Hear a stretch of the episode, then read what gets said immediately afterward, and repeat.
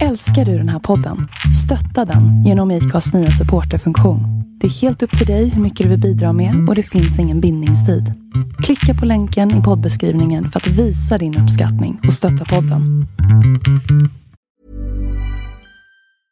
I'm Sandra, and I'm just the professional your small business was looking for. But you didn't hire me because you didn't use LinkedIn jobs. LinkedIn has professionals you can't find anywhere else, including those who aren't actively looking for a new job but might be open to the perfect role, like me. In a given month, over 70% of LinkedIn users don't visit other leading job sites. So if you're not looking on LinkedIn, you'll miss out on great candidates like Sandra. Start hiring professionals like a professional. Post your free job on linkedin.com/people today. Hey there, it's Michelle Norris. I'm host of a podcast called Your Mama's Kitchen. When I travel, I'm usually looking for a way to find a taste of home when I'm not at home. And one of the things I love to do when I am at home is entertain. And Airbnb allows me to do that. When I was in California recently, I rented a house that had a great kitchen. And when we were sitting around the table, we're all thinking, we're in someone else's house. Someone could be in all of our homes as well. If you have a home, but you're not always at home, you have an Airbnb. Your home might be worth more than you think. Find out how much at airbnb.com/slash host.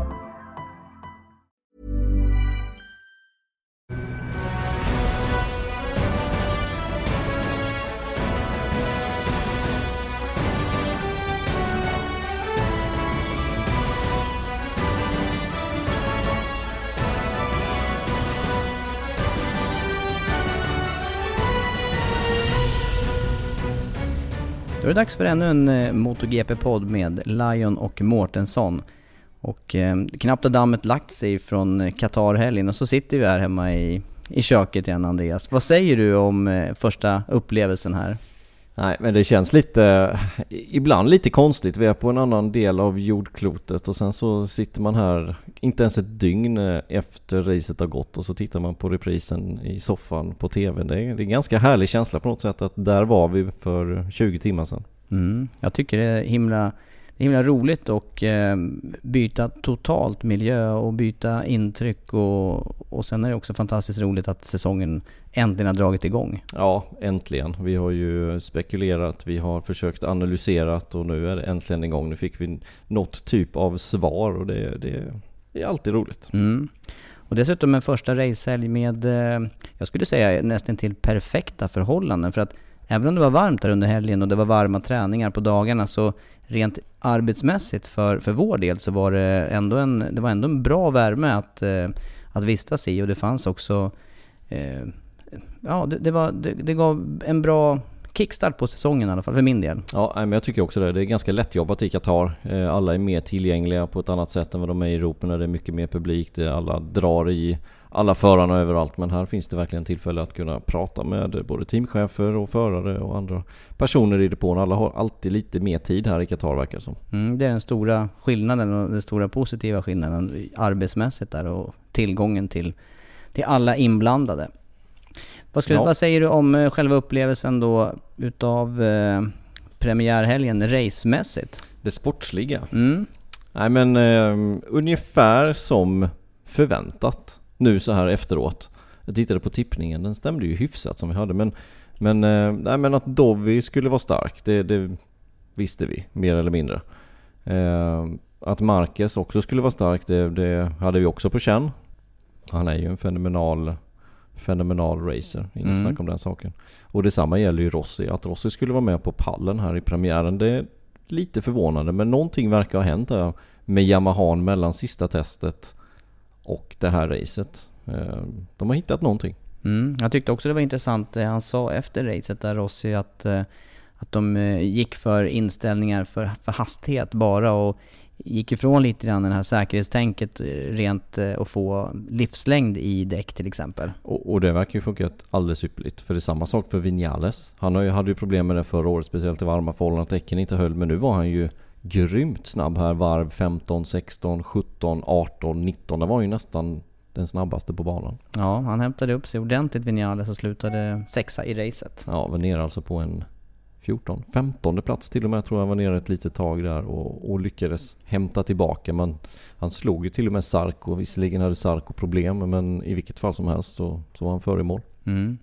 Du sa någonting om tippningen där. Du tippade Dovizioso och Marquez 1 2 och Sarko 3 Jag hade Sarko, Dovizioso och Rossi så att tillsammans där så prickade vi ju positionerna på pallen.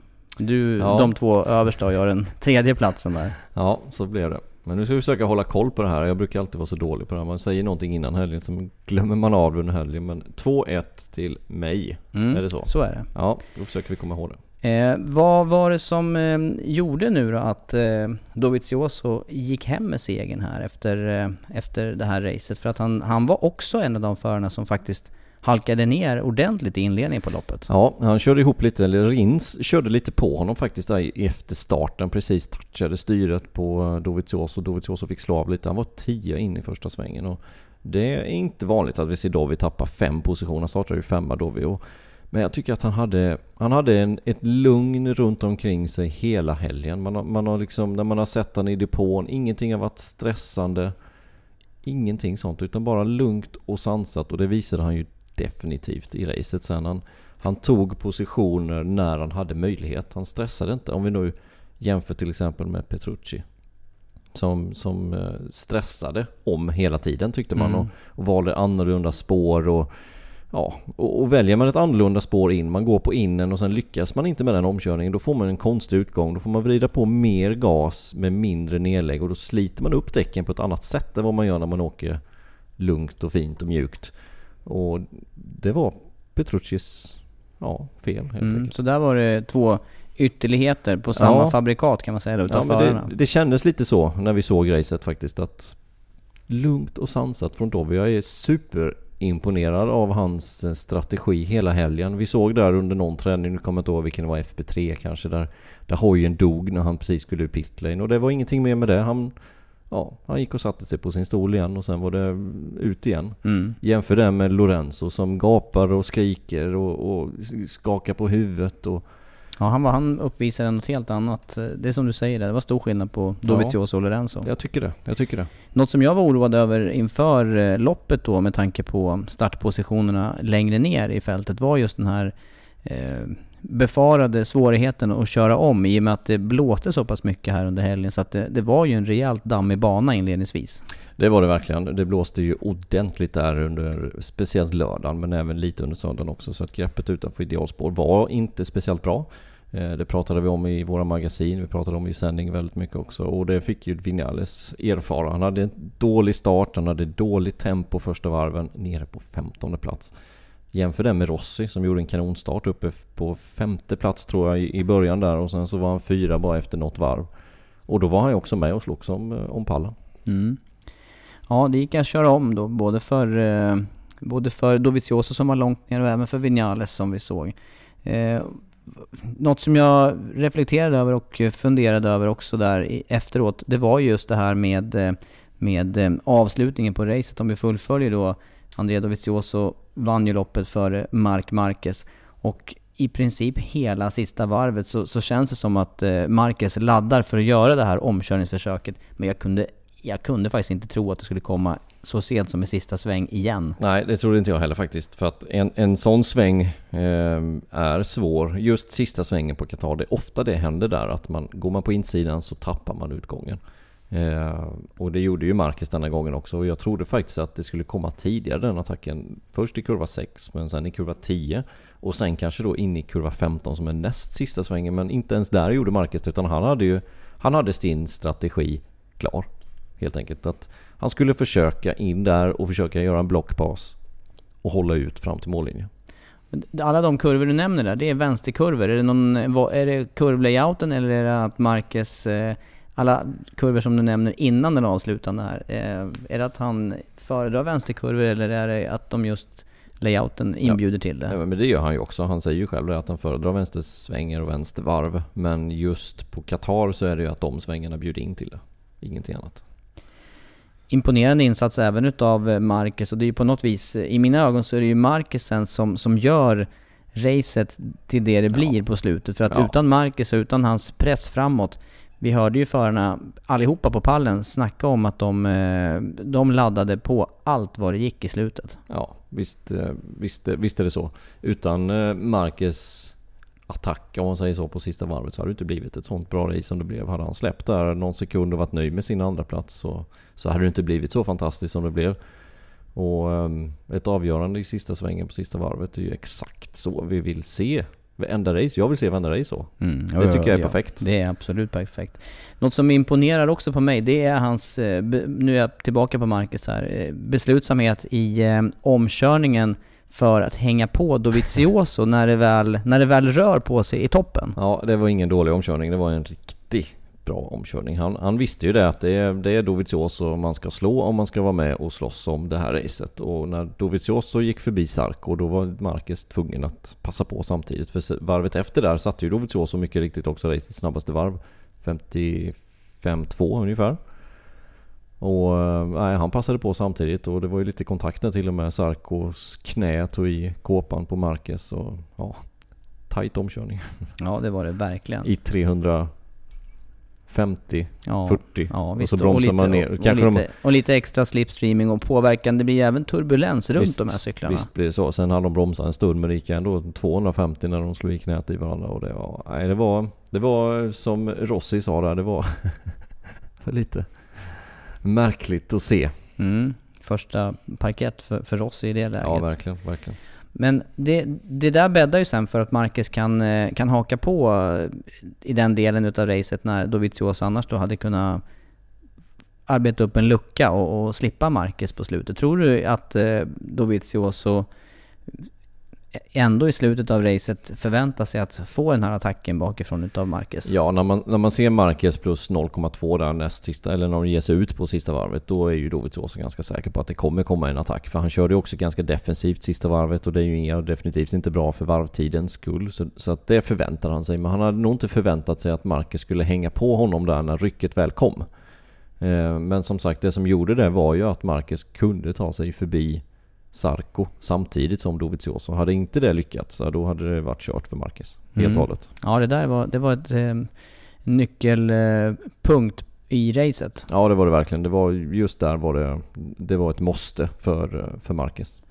Något som jag också tänker tillbaka på det är eh, gällande Rossi här under, under loppet eh, i ett skede tidigare eh, innan det vi beskrev nu mellan eh, Dovizioso och Marquez så var ju faktiskt Rossi uppe och eh, attackerade Sarko också om ledningen. Ja visst var det och misslyckades den, eh, den omkörningen och, och tappade Marquez. Marquez gick förbi Rossi, inte, inte Sarko men uppe på en annan plats där Marquez. Hade det kunnat påverka utgången här då? Hade Rossi, hade han muskler nog för att, för att attackera eller hänga på om segern i slutet? Nej, det har jag. Jag har svårt att se att han skulle att han skulle få den luckan så att inte Dovi eller Marquez skulle komma ikapp. Jag tror faktiskt inte det. Nej. Utan det var som Marcus sa, enda anledningen till att Sarko ledde var för att vi sparade däck och lät han leda. Eh, det var hans eh, själva förklaring till det. Sen kanske inte det är hela sanningen men lite sanning ligger det definitivt i det. Mm. Sarko som föll ner till åttonde då, från pole och från att ha lett eh, första 60% av racet ungefär. Ja, ja, hade problem med, med framdäcket till slut. Tog helt slut där och, och, kunde inte hålla varvtiden uppe helt enkelt. Men han tappade lite väl mycket. Även fast han sa på lördagen där att ja, jag har inte riktigt racepacen när det gäller hela distansen 22 varv. Så tycker jag han tappade väldigt mycket. Ja, till slut blev det sju sekunder där och det var ju inte på så många mer, fler varv än just då 7, 8, 9. Ja, ja, max att, ja. fem har jag för mig. När det var fem varv kvar då tror jag att det var då som Dovi satte in attacken. Mm. Eh, och tappade så pass mycket. Men som sagt, tar däcken slut så tar däcken slut och då kan man tappa ännu mer än så. Och Pedrosa likadant fast han hade ju problem med bak istället. Han körde slut på bakdäcket och, och landade också. Han kommer förbi Sarko till slut. Mm, slutade sjua. Ja, pallen har vi... Pallen tycker jag vi har eh, gått igenom och där... Det var inte jättestora överraskningar, ska vi säga där då, kring, eh, kring dem på pallen. Du var aningen överraskad över Rossi kanske? Ja, ja, det var jag faktiskt. Jag trodde inte att han skulle göra sånt eh, bra race som han gjorde och faktiskt liksom... Ja, vad var det i mål? Under en sekund va? Ja det var det faktiskt. Det ja, var 8 tiondelar bakom. Ja, det, det, det, tror jag faktiskt inte att Rossi skulle vara så pass nära. Att han skulle bli 4-5 möjligtvis men, men inte 3 Men det var extremt eh, i min bok eh, imponerande att han mm. hittade det här tempot. Och verkar ha fått eh, ordning på Yamaha på ett visst sätt i alla fall. Att de är nöjda med motorn. Vi såg att den gick väldigt fort rakt fram. Samma gäller Honda nu för sig också om man jämför med Ducati. Men, men de ser ut ändå att ha någonting på gång Yamaha.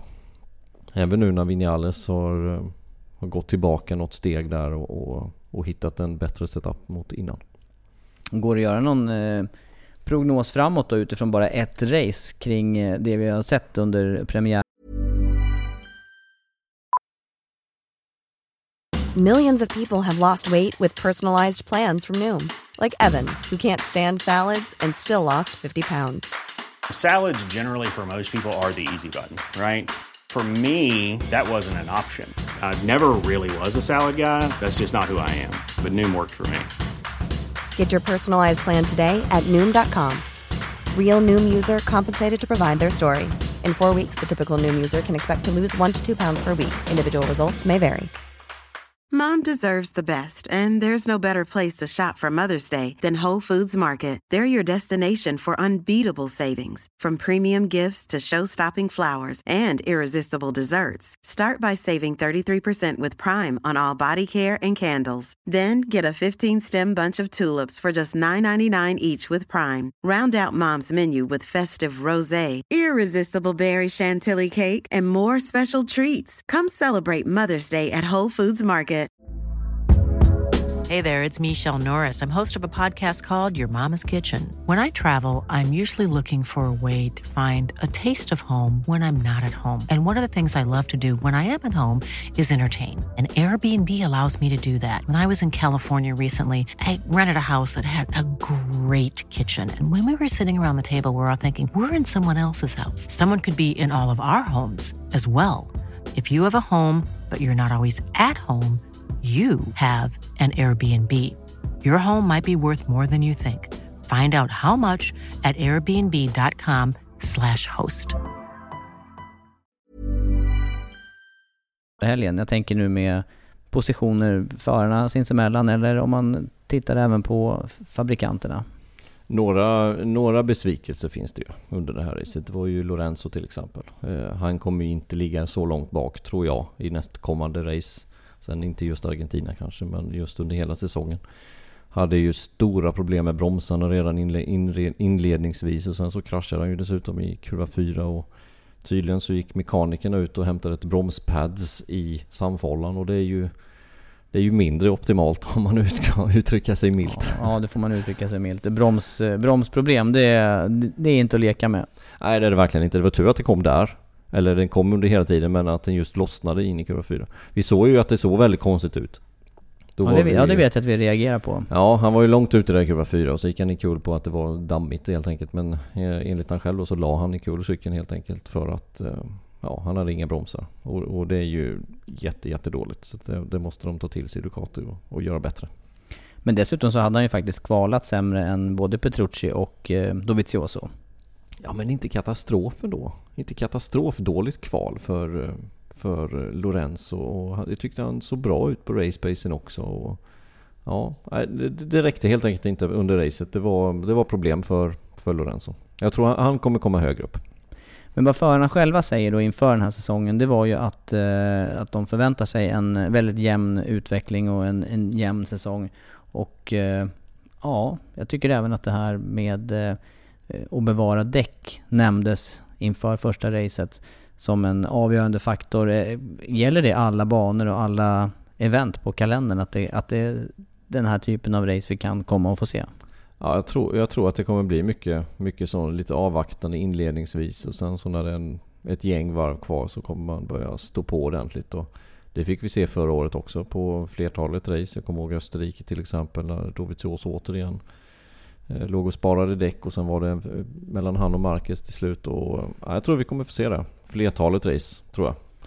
Är det här är det också en anledning till att vi har eh, väldigt eh, rutinerade förare på pallen i ett sånt här lopp. Ja. För det, är ingen, det finns ju inga tekniska hjälpmedel som säger att så mycket kan du gasa nu för att däcken ska hålla den här racedistansen ut. Nej, nej det, måste du, det måste du som förare själv avgöra. Så är det eh, Eh, men återigen, eh, alltså går vi tillbaka till Dovizioso och hans körning. Jag är mäkta imponerad av hur han lägger upp racet. Hur han kör om, vilket han gör. nio omkörningar. Eh, men på bra ställen hela tiden. Inget stressande, inte någonting som stressar däcken utan lugnt och sansat. Spara på däcken. Jag tänkte också nu på... Nu pratar vi mycket om det här som, som vi tycker oss ha sett redan inför loppet. Men är det några tydliga överraskningar efter, eh, efter premiärhelgen? Ja, att Sarko står i pole position är ju faktiskt lite, lite förvånande är det ändå. Eh, tycker jag. Mm. Att han satte den tiden som han gjorde också. Han var ju ganska överlägsen på kvalet. Det var ju ingen som kunde egentligen hota honom. Nej, det på var det just inte. pole position. Eh, det måste väl ändå ses som ett, eh, en överraskning. Och sen så att Suzuki gick bra på Qatar, men det vet vi sen förr. Liganonne startade tvåa förra året till exempel. Men, men att Rins skulle... Nu kraschade Rins till slut men, men han var ju betydligt snabbare än vad Janone var.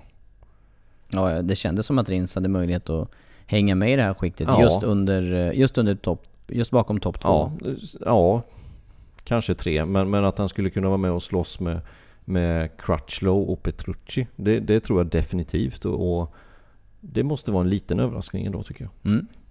Vad tycker du själv? Nej, det var, jag tänkte främst på Suzuki faktiskt som, eh, som eh, positiva Ja, som positiv överraskning. Och sen tycker jag också att eh, flera utav nykomlingarna i klassen gjorde bra race. Vi hade i alla fall placeringsmässigt då. Morbidelli var ju 12 och eh, Charin då på 14 plats. Båda tar eh, poäng i sina första GPn i stora klassen. ja det, det är helt klart godkänt. Verkligen. Och så Lytti precis utanför där på en 16 slutade han. Mm. Där Ehm. infriar ju inte Nakagami fullt ut. Han, har ju, han har ju varit vass på försäsongstesterna. Ja, Nakagami lite misslyckat eh, race faktiskt.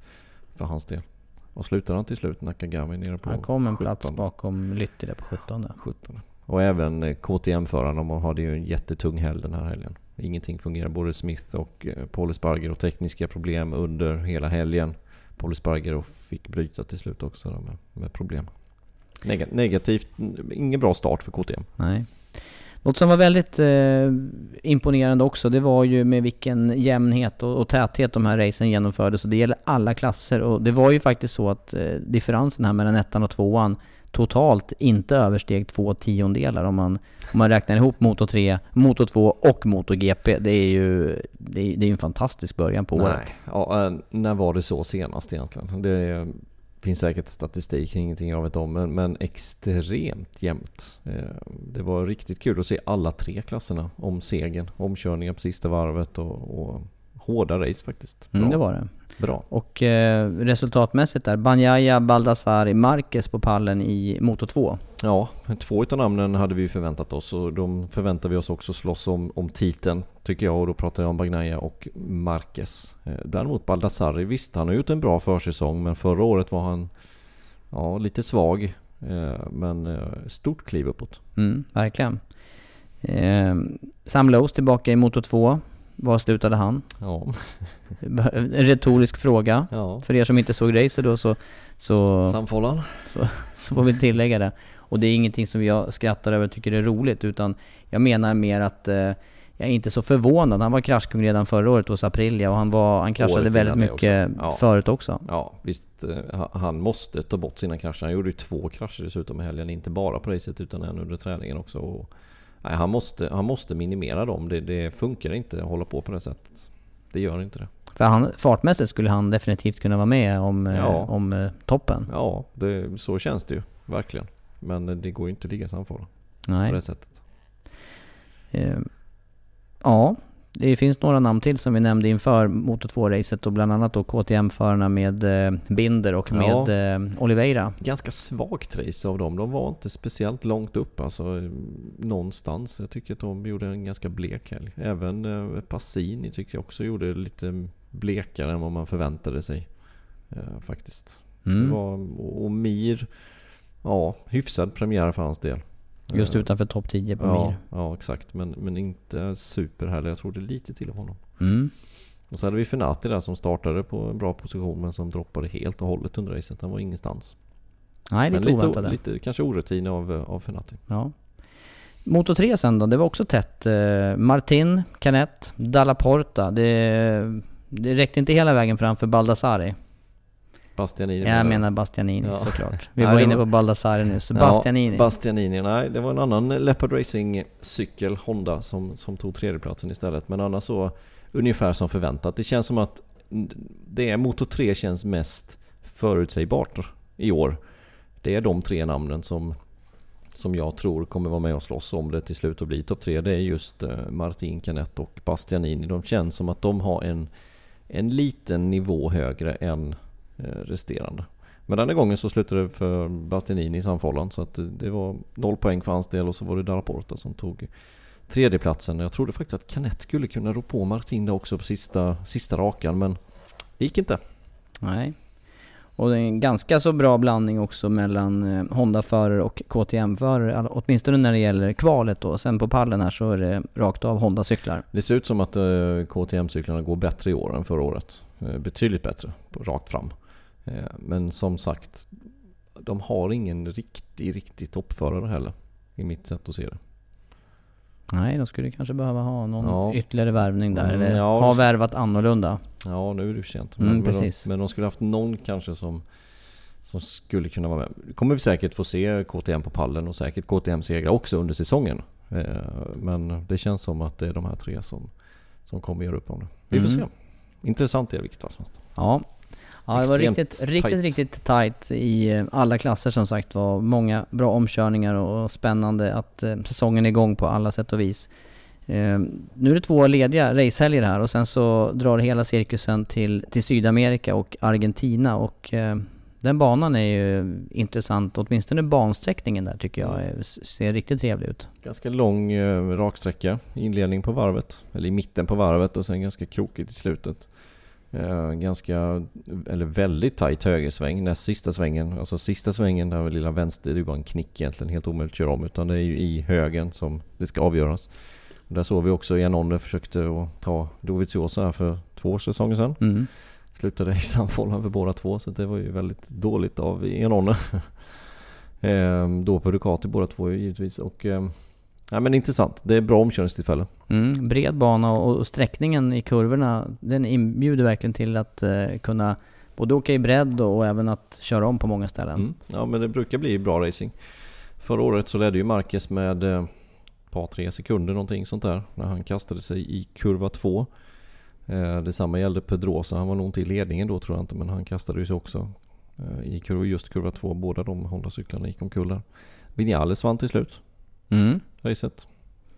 Ja, det var riktigt eh, spännande och redan där så, så kändes det som att där började toppförarna slänga bort poäng då i mästerskapet. Mm. Efter vi lämnade Argentina förra året så skedde det 37 poäng mellan Vinales och Marquez. Etta, tvåa. Då trodde jag att det här kommer, kommer inte gå detta. Men eh, ja, det gjorde det. Och då tänker du för Marcus del Tänkte jag för Marquez del. ja. Mm. Sen blev det ju mm, ja, tvärtom i, eller i eh, Texas. Mm. Då var det ju Vinales som kastades istället. Men dit kommer vi.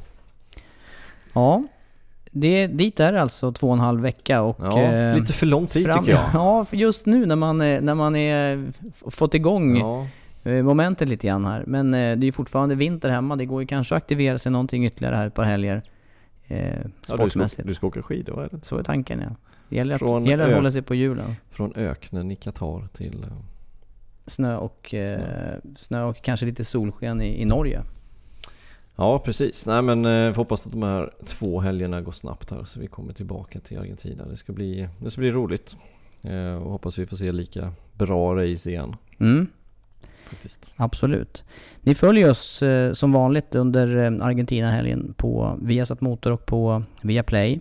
Och ni kan se fram emot eh, fortsatta poddar också här under säsongen som eh, hinner behandla racehelgerna och eh, det som dyker upp. Och så ska vi jobba vidare på det här med att bjuda in gäster och få lite vidare information och material från de race vi faktiskt ska ha på plats också under säsongen. Ja precis. Nu blir det två race hemma men sen ska vi ju ner till Europapremiären i Jerez. Mm, och Och då drar det ju, då drar ju Nästa den säsong. I, nästa säsong Ja, igång ja. mm. det, det är ett steg till där, en, en växel till som läggs i där till, Mm. till första Europaloppet. Ja det är det faktiskt. Och sen, sen påminner ju de europeiska banorna mycket av varandra.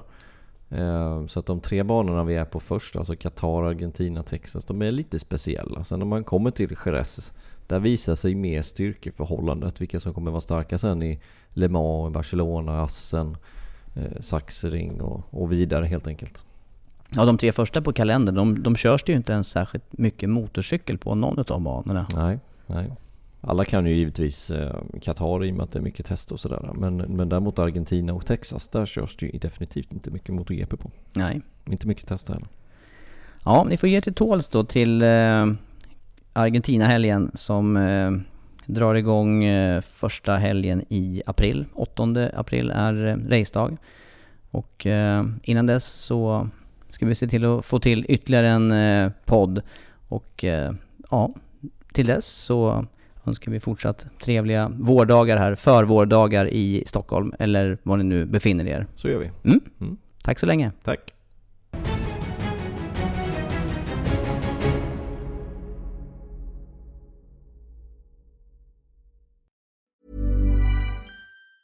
Planning for your next trip? Elevate your travel style with Quince. Quince has all the jet setting essentials you'll want for your next getaway, like European linen, premium luggage options, buttery soft Italian leather bags, and so much more. And it's all priced at 50 to 80% less than similar brands. Plus, Quince only works with factories that use safe and ethical manufacturing practices. Pack your bags with high-quality essentials you'll be wearing for vacations to come with Quince. Go to quince.com slash trip for free shipping and 365-day returns. Mom deserves the best, and there's no better place to shop for Mother's Day than Whole Foods Market. They're your destination for unbeatable savings, from premium gifts to show-stopping flowers and irresistible desserts. Start by saving 33% with Prime on all body care and candles. Then get a 15-stem bunch of tulips for just $9.99 each with Prime. Round out Mom's menu with festive rosé, irresistible berry chantilly cake, and more special treats. Come celebrate Mother's Day at Whole Foods Market.